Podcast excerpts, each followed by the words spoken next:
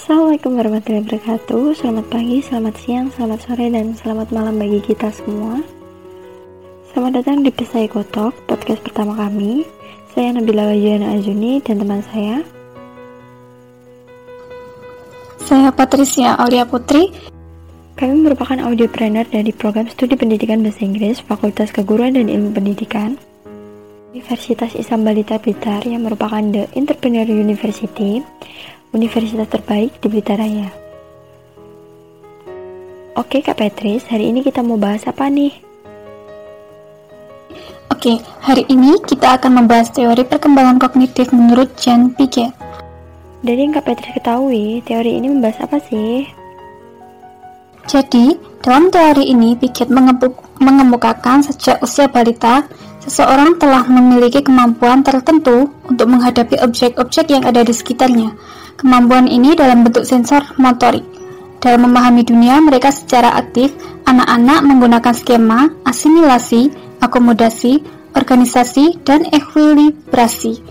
Dengan kemampuan ini, balita akan mengeksplorasi lingkungan dan selanjutnya kemampuan ini disebut piket dengan skema. Asimilasi dalam skema adalah pengetahuan baru yang akan dibandingkan dengan konsep asal, tahap asimilasi lanjutan dari proses skema.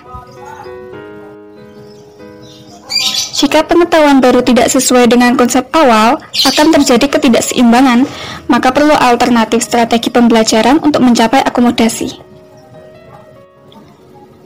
Piaget percaya bahwa setiap anak mencoba memperoleh keseimbangan antara asimilasi dan akomodasi, sehingga proses ini disebut equilibrium.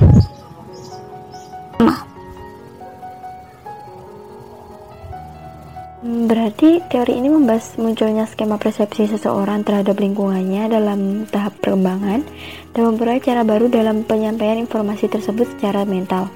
Betul begitu Kak Petris? Ya, benar begitu Kak Nabila. Jadi contohnya itu seperti respon seseorang balita ketika melihat sebuah sendok dan dengan mudah dia membawa sendok itu ke mulutnya dan ketika dia menemukan benda lain, dia juga akan melakukan hal serupa.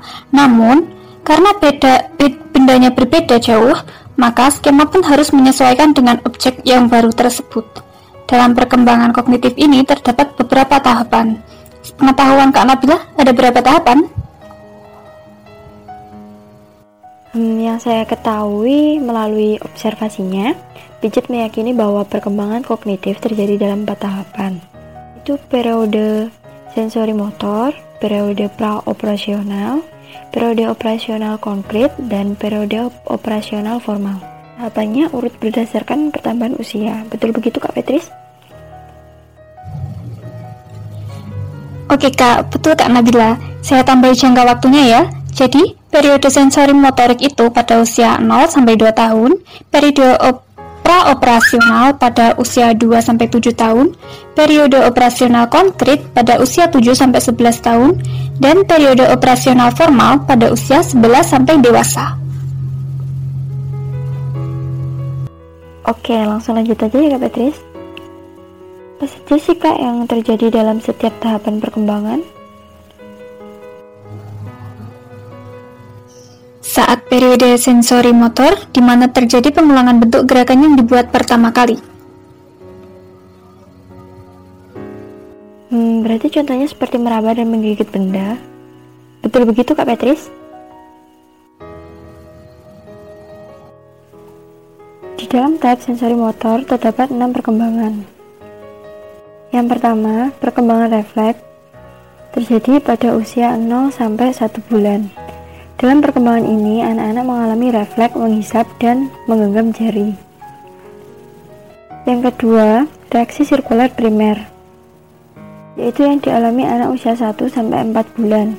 Pada tahapan ini, koordinasi perkembangan anak berkembang khususnya pada mata dan telinga. Yang ketiga, reaksi sirkuler sekunder, yaitu dialami oleh anak usia 4 8 bulan. Pada tahap ini, anak akan berorientasi pada objek dan benda luar yang menurutnya menarik. Selanjutnya, koordinasi skema sekunder dialami oleh anak berusia 10-12 bulan. Pada perkembangan ini, aktivitas anak sudah terencana dan memiliki tujuan. Yang kelima, reaksi sirkuler tersier. Anak mulai memperhatikan benda di sekitarnya dan juga menikmati hal baru dan mencari cara untuk menghasilkan hal menarik. Yang terakhir, representasi mental. Pada tahap ini, anak akan menirukan peran yang dilihatnya. Ya, betul Kak Nabila. Selanjutnya, saat periode pra-operasional di mana adanya pemikiran yang tidak beraturan dalam melakukan tindakan terhadap objek.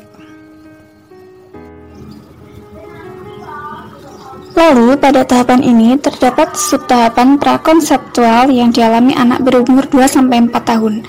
Anak mengembangkan kemampuan untuk menggambarkan atau membayangkan secara mental suatu objek yang tidak terlihat dengan sesuatu yang lain. Misalnya, saat anak diberi mainan berupa bentuk pisau, anak akan mengetahui bahwa pisau merupakan bentuk benda tajam. Subtahapan selanjutnya adalah subtahapan intuitif terjadi pada usia 4-7 tahun.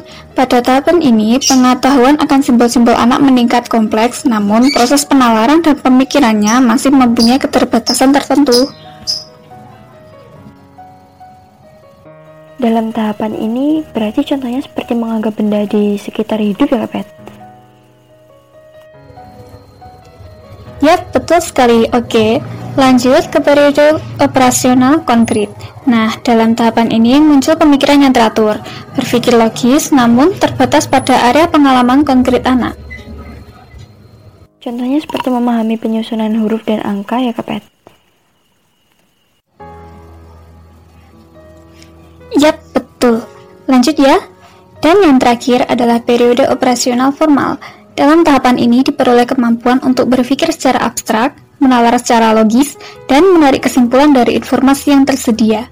Pasti kan Nabila tahu contohnya. Hmm, kalau menurut saya sih contohnya seperti mampu mengevaluasi hipotesis dengan menguji pemecahan yang memungkinkan. Betul apa tidak? Yap, betul kan Nabila? Ya Kak Petris. Apa saja sih faktor yang mempengaruhi perkembangan kognitif?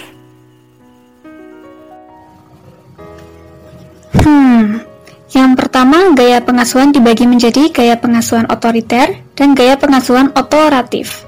Lalu yang kedua, gaya pengasuhan permisif dibagi jadi pengasuhan permisif indulgent dan pengasuhan permisif indifferent. Yang terakhir adalah pengaruh lingkungan. Oke, baik. Demikian sedikit pembahasan mengenai teori perkembangan kognitif menurut Jane Piaget. Semoga bisa memberikan tambahan ilmu buat semuanya. Terima kasih. Terima kasih Kak Patris atas penjelasannya mengenai teori perkembangan kognitif menurut Jane Piaget. Oke, terima kasih telah mendengarkan Psychotalk dan tetap nantikan konten-konten podcast kami berikutnya. Wassalamualaikum warahmatullahi wabarakatuh.